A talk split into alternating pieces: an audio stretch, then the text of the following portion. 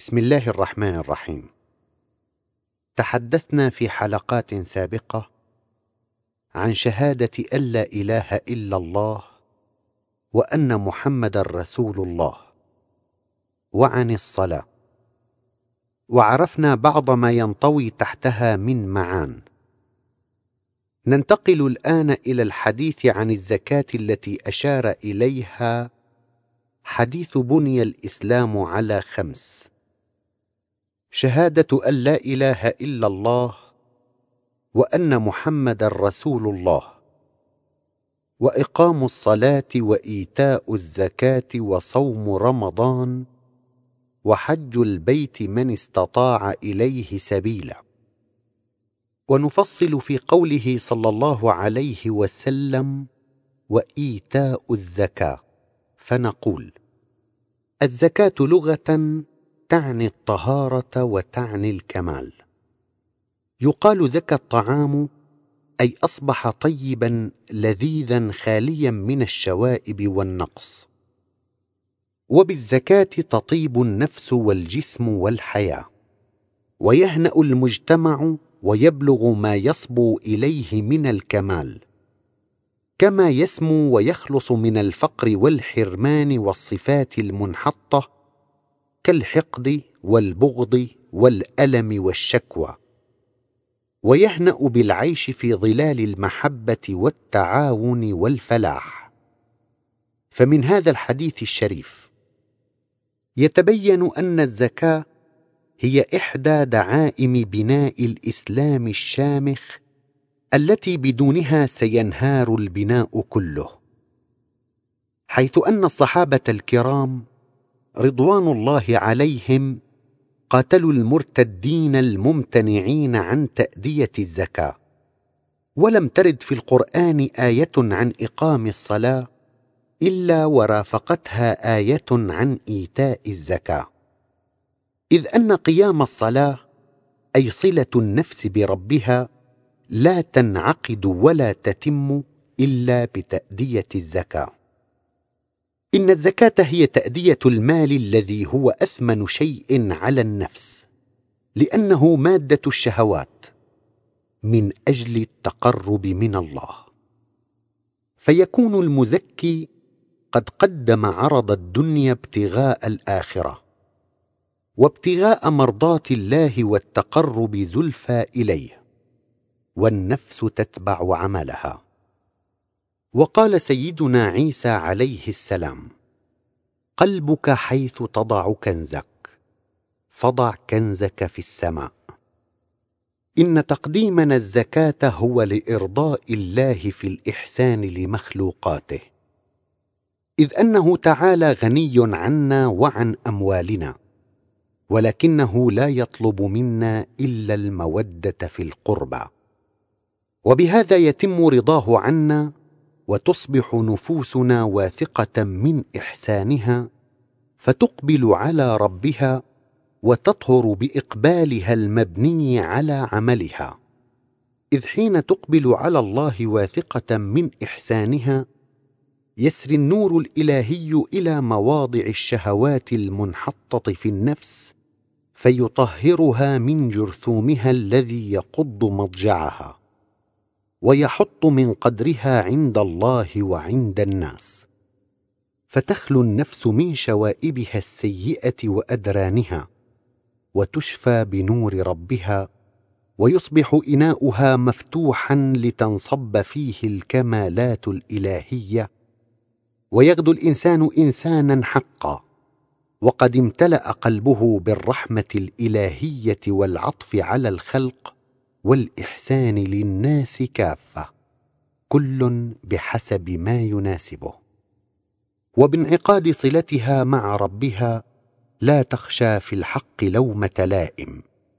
وتكتسي بوشاح الفضيلة والرحمة والشجاعة والكرم وكافة الصفات العلية. وتكتسب عمرها الثمين وتضحي أهلا لرعاية إخوانها في الإنسانية. فيرفع الله شأنها في الدنيا لتكسبها مطية للتقرب زلفى إليه سبحانه وفي الآخرة يكون بما قدمه من الفائزين المقربين. هب أن هناك شخصا نسي في معطف طواه في صندوق مئة ليرة. ثم احتاج لبسه بعد انقضاء عام كامل.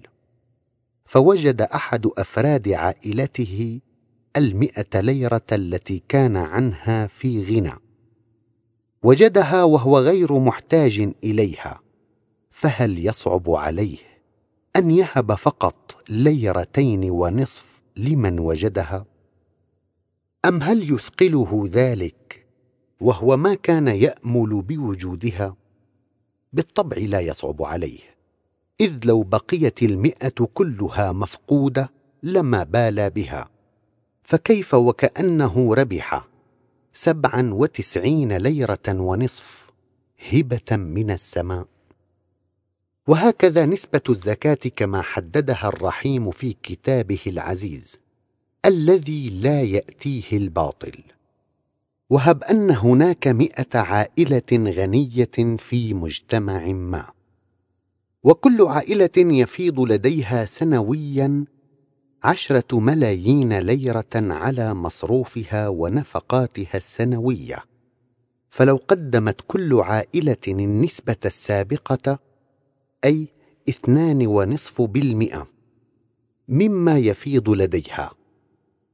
وهذه النسبة الضئيلة لن تبالي بها تلك الأسرة الغنية كما لن تسبب لها أي فقر أو حرمان أو عجز لأن المال الوفير عندها فائض. فلو كان ذاك المجتمع فقيرا وكان للعائلات الغنية فيه معامل فإن استهلاك المجتمع الفقير لمنتجات معاملها سيكون ضعيفا. لعوز الفقراء وعجزهم عن الشراء بسبب الفقر. هذه الأمثلة واقعة حقا في معظم بلدان العالم إلا ما ندر. وهذه مشكلة العصر. فلو قامت السلطة بجمع النسبة المئوية الضئيلة المذكورة اثنان ونصف بالمئة من الفائض المالي لكل أسرة غنية أو شخص غني. فجمعتها لشكل مجموعها مبلغا ضخما يبلغ خمسة وعشرين مليونا من الليرات. أنشأت به معملا. فشغلت الأيدي العاطلة الفقيرة. وكررت ذلك بمشروع خمس سنوات. فأنشأت خمسة معامل. لما بقي في المجتمع أيد عاطلة عن العمل. إن العاملين في المعامل والإداريين والرؤساء كانوا قبل العمل لا يستطيعون شراء أسرة وسجاد ومنتجات كثيرة. فحالما عملوا أخذوا يشترون ويتوسعون ويستهلكون من منتجات معامل العائلات الغنية. والتي كانت بضائعها كاسدة بسبب فقر المجتمع الذي بدأ قسم منه يعمل ويتحسن مستواه المعيشي. وبذلك جرت لهم الزكاة مغانم كثيرة. وازدادوا غنى. وتحسن وضع المجتمع عموما. ولا تنقضي خمس سنوات أخرى حتى يقضى على البطالة بالمجتمع تماما. وتصبح سوق منتجات معامل الأغنياء في صنوف أخرى رائجة جدا بسبب تحسن أحوال المجتمع المعيشي الذي سببه إيجاد العمل فينهض المجتمع كله بسبب الزكاه الغني يزداد سعة وغنى. والفقير يزداد يسرا ويصبح الفقراء ميسورين وتتحسن أحوالهم وبالعمل يقوى المجتمع ككل. هذا من جهة. ومن جهة ثانية تؤخذ أرباح المعامل إلا القليل للصيانة والإصلاح. وتوضع في ميزانيات مستقلة. وتوزع على شكل رواتب ثابتة على الفقراء الذين لا يستطيعون العمل واليتامى والعاجزين صحيا أو سنا والأرامل وما إليهم بما يكفي معيشتهم بواسطة أيد نزيهة أمينة ولها رواتب ثابتة منها وبهذا يتم القضاء على كل مشاكل المجتمع بكل وجوهها ولو نظرنا للإله من ثنايا صنعه لذهلنا اعجابا وتقديرا بالكمال الجاري والساري على أي مخلوق سواء كان نباتا أو شجرة انسانا أو حيوانا ارضا أو كوكبا في مجال خلقه الكامل البديع أو بيئته المناسبة أو وظيفته وما إلى ذلك من الكمالات التي يعجز عن إيجادها سواه. إذ لو تأملنا وأمعنا النظر فسنتحقق من كماله المطلق في كل الوجوه التي وضع بها. هذا صنعه تعالى فكلامه جل وعلا يماثل أفعاله. فإذا طبقنا قوله فسيسمو بنا لنتائج مثمرة مفيدة بشكل صاعق لنفع المجتمع بشكل عام وكل فرد عضو فيه. وكما أن الله سبحانه للجميع كذلك فإن نصائحه للجميع. إذ أن أفعال الإله ومحاولاته هي لخير الجميع بكافة الوجوه. فلو طبقنا توزيع الزكاة فسيتأمن نمو ثروة الأمة بتوازن منطقي ثابت. كما تتأمن العدالة الاجتماعية والرضا النفسي والشعور بالرفاه لدى الشعب كله. كما سيضمن بصورة عملية لا نظرية أن النشاطات الاقتصادية الناتجة عنه ستكون بمنفعة البلاد واقتصادها على خير وجه. وهذا ما تعجز عن تحقيقه كافة الأنظمة الغربية والشرقية عمليا. هذا ويمكن تحقيق هذه الأهداف عمليا لأنها من صنع الإله الذي يسير كافة الكائنات بنظام كامل لا يخطئ. قال تعالى في سورة المنافقون ولله العزة ولرسوله وللمؤمنين. إنه لمن المسلم به من وجهة النظر الإسلامية أنه لا يجوز ابدا إذلال الفقراء من المؤمنين مهما بلغت بهم الفاقة والعوز. اذا فكيف يتسنى أن نسد عوزهم ونعمل على إسعادهم دون المساس بكرامتهم وعزتهم؟ ودون إذلالهم حافظين لهم كرامتهم وعزتهم. والمؤمن عزيز لا يجوز إذلاله لقيم مادية. لذا فإن توزيع الزكاة على الفقراء من المؤمنين لا ينبغي أن يتم ويدهم سفلى. ويد الغني المترف هي العليا. أي ينبغي أن يتم العطاء بنظام صارم في الدقة تماما كنظام الكون الذي يسيره الله بنظام صارم في الدقة أيضا. فالكون والخلق يجريان بنظام بديع ناجح يدعو إلى الإعجاب والتقدير. وبديمومة لا تتناقص أو تضعف على كر الدهور ومر الأجيال. وهكذا يقتضي أن يكون توزيع الزكاة كما أرادها وأمر بها الله. فإذا طبقناها كما سبق حصلنا على الميزات التالية. لا تبقى معاناة ولا فقر في البلاد ولن يسمح بعودتها بذلك أبدا. تزداد ثروة الأمة وتنمو حيث تزيد مشاريع ومعامل الزكاة والثروة العامة. بذلك تدار أموال الزكاة بحكمة ونظام وتنشأ معامل ومشاريع دوما.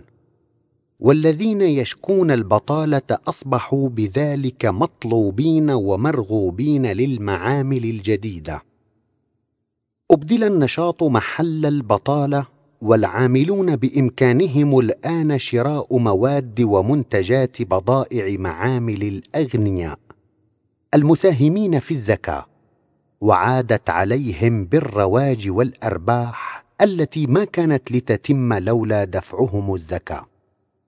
وبذا يزداد الأغنياء غنى ولا يبقى فقير ولا عاطل عن العمل فكل الناس مكتفون وراضون ومسرورون. ولا شكوى أو تذمر في المجتمع. بل المجتمع كله مترابط ومتحابب ومتفائل. إن ثروات من كانوا فقراء هي بصورة غير مباشرة هبات الأغنياء المفروضة. لذا فالفقراء سيحبون الأغنياء لأنهم سبب يسرهم. والأغنياء سيحبون الفقراء لأنهم قدموا لهم المال الغالي على نفوسهم والمحتل جزءا منها عن رضا. لإرضاء الله لذا ستتعلق نفوسهم وراءه بهم بعامل المودة تماما كما يشعر الآباء بالعطف على أولادهم الذين كلفوهم غالية. وعلى كل فالكل مزدهر متقدم. فالزكاة تولد الحب والود والعطف بين أفراد المجتمع. الفقير يحب الغني ويتمنى له زيادة الغنى لأنه بذلك سيزداد عدد المصانع فيكثر الطلب على اليد العاملة وتصبح مطلوبة فتزداد الأجور ارتفاعا لقلة اليد العاملة مع ازدياد المشاريع بتوالي الزكاة. والغني يعطف على الفقير لأنه بصورة غير مباشرة كان بتزكيته سببا لكفافه وتشغيله لعمله. مما أورث هذا الغني ثقة يزهو بها بنفسه. والعلاقة الحبية والودية بين المربي والمكفول واقعة لا تنكر وهي قوية وبالزكاة تنمو المشاعر الإنسانية السامية بين أفراد المجتمع ويصبح المجتمع متحابا قويا. لا يستطيع الأجنبي الإيقاع بين أفراده ولا تفريقه لشيع. يقتل بعضها بعضا. فإذا جاء هذا المجتمع من يدعو للثورة على الأغنياء هب الفقير ثائرا على من يدعو للفرقة والثورة لمن يحب. بل لكشف عداوة العدو وقام ضده. فالزكاة تجمع البشرية وتؤلف بينها على المحبة والتعاون والإخاء. فالكامل المطلق هو الله وهو الذي يشرع كل كمال. ومهما بلغ الإنسان بالفكر والذكاء فما دام غير مهتد بالإله الكامل فلا بد من خطيئة. يتم فيها الدمار. فتوزيع أموال الزكاة المنظم مفتاح لحل كافة مشاكل المجتمع ونفعه. ويفقد قيمته الحقيقية إن وزع عفويا وبدون حكمة أو بصيرة. فكل ما في الكون يعمل بتسيير الله سبحانه وتعالى بنظام صارم بالدقة كالشمس والقمر ودوران الأرض والنجوم فخلق الإنسان والحيوان والأشجار يحقق كماله. وليس هناك صدفة أو جزاف بل لكل قانون ولتوزيع الزكاة أصول. والله الرقيب القائم علينا يريد منا أن ننفق على الفقراء والمعوزين وأن نعمل ما فيه إصلاح وصلاح المجتمع ونقدم المعروف والإحسان لفائدتنا ومنفعتنا فقط. والله وحده هو الغني ولا يحتاج إلينا أبدا. إذ هو الخالق لكل الخلائق المانح للوجود وجوده المتفضل على الكل بالحياة والنمو والممد للمخلوقات الحية والمنعم عليها بالهواء والنور والماء وبقوة الأبصار والسمع ودوما معها ويمدها بما تحتاجه بكل ظرف وحين. هو تعالى معها يتجاوب رحمة منه مع كل طلباتها ورغباتها. يمد دوما بطاقات الدوران للأرض والكواكب والنجوم ويؤمن حاجاتها. هو الذي يري الكل ويسمع الكل. ولو أوقف إمداده لحظة عن الكون لانعدم. لكنه جل وعلا يريدنا أن نفعل الخير. كي تصبح نفوسنا خيرة. فبعملنا المعروف والخير لمخلوقاته المحبوبة لديه لأنه هو خلقها ورباها. تتكون بنفوسنا ثقة برضائه عنا. ونكسب ثقة بعملنا تجاه من يحب سبحانه. فتتقرب نفوسنا إليه تعالى. وتكسب من هذا الكامل العظيم صفات الكمال ونصبح إنسانيين. ونعمل الإحسان أيضا ونعود إليه بعد هذه الحياة وهو راض عنا. وندخل جناته كما وعدنا.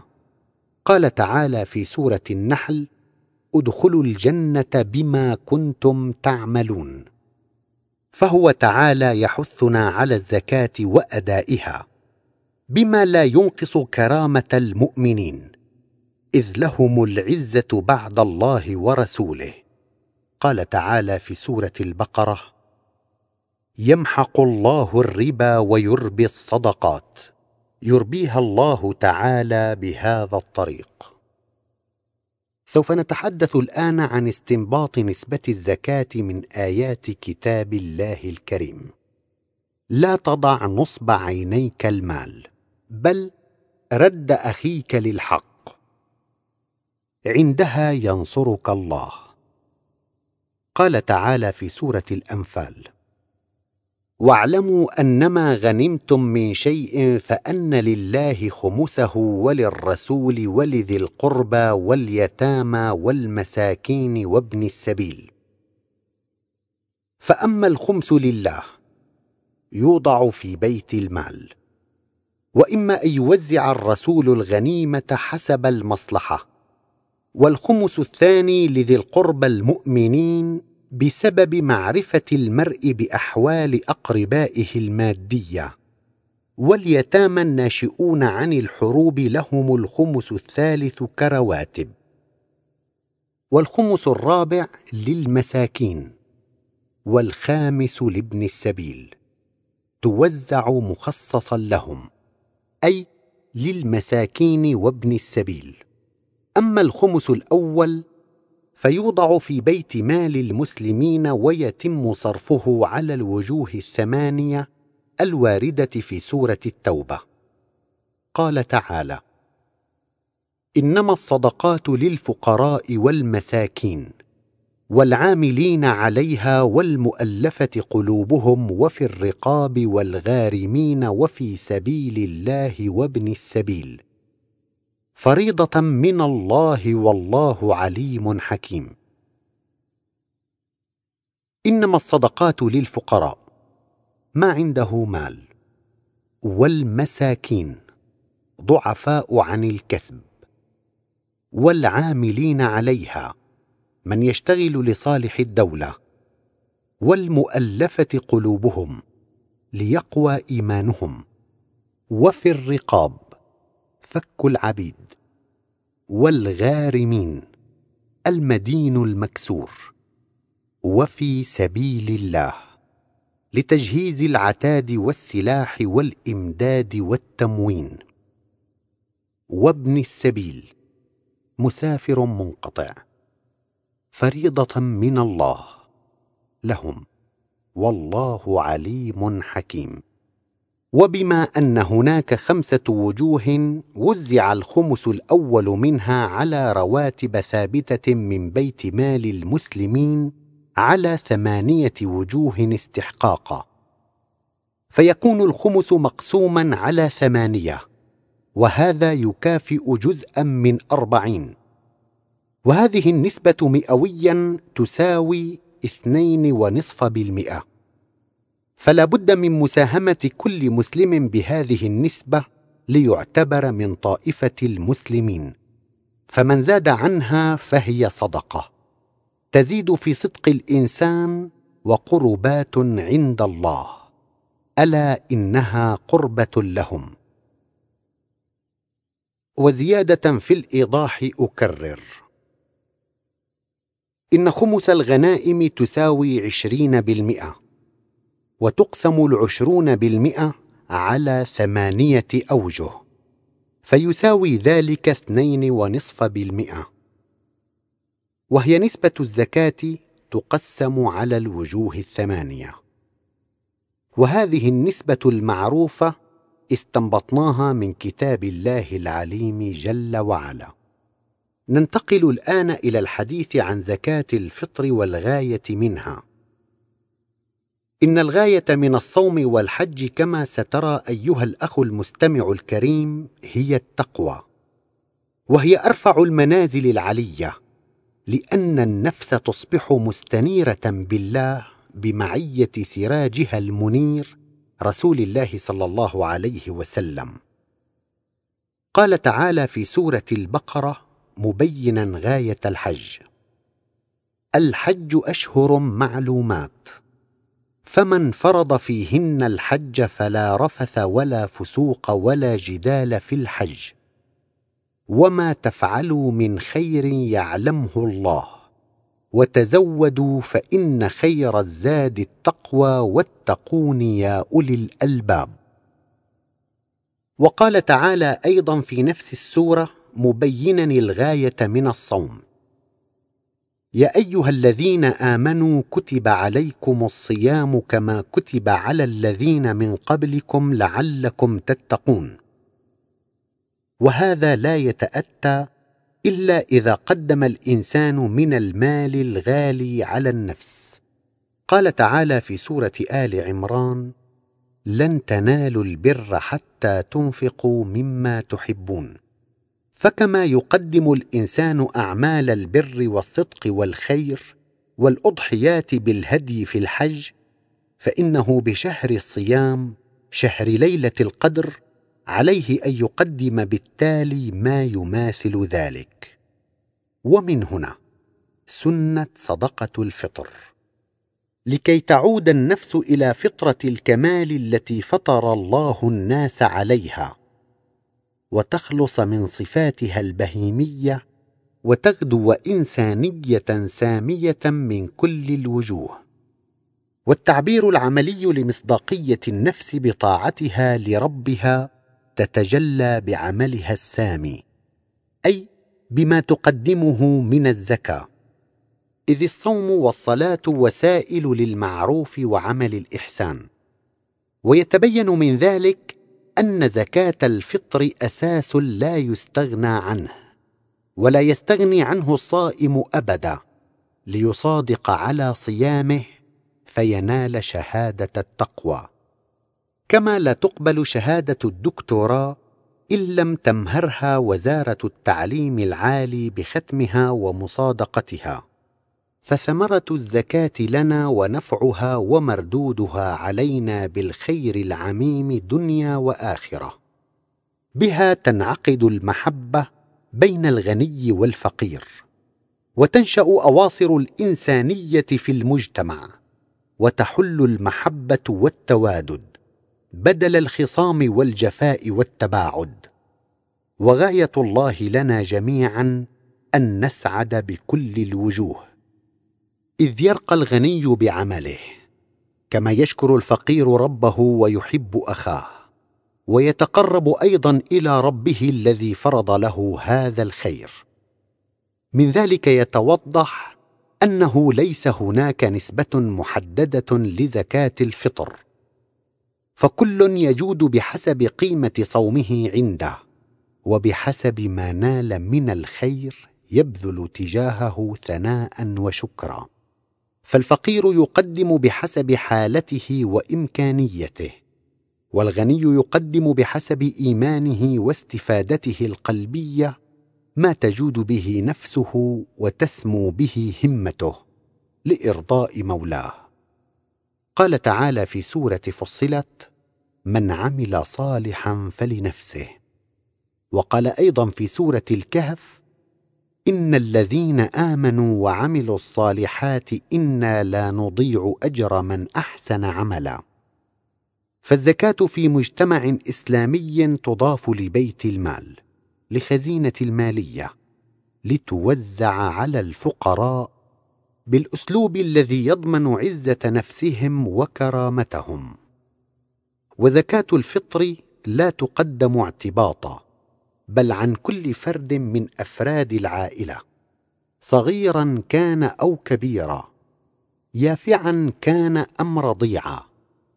قال تعالى في سورة المعارج والذين في أموالهم حق معلوم للسائل والمحروم.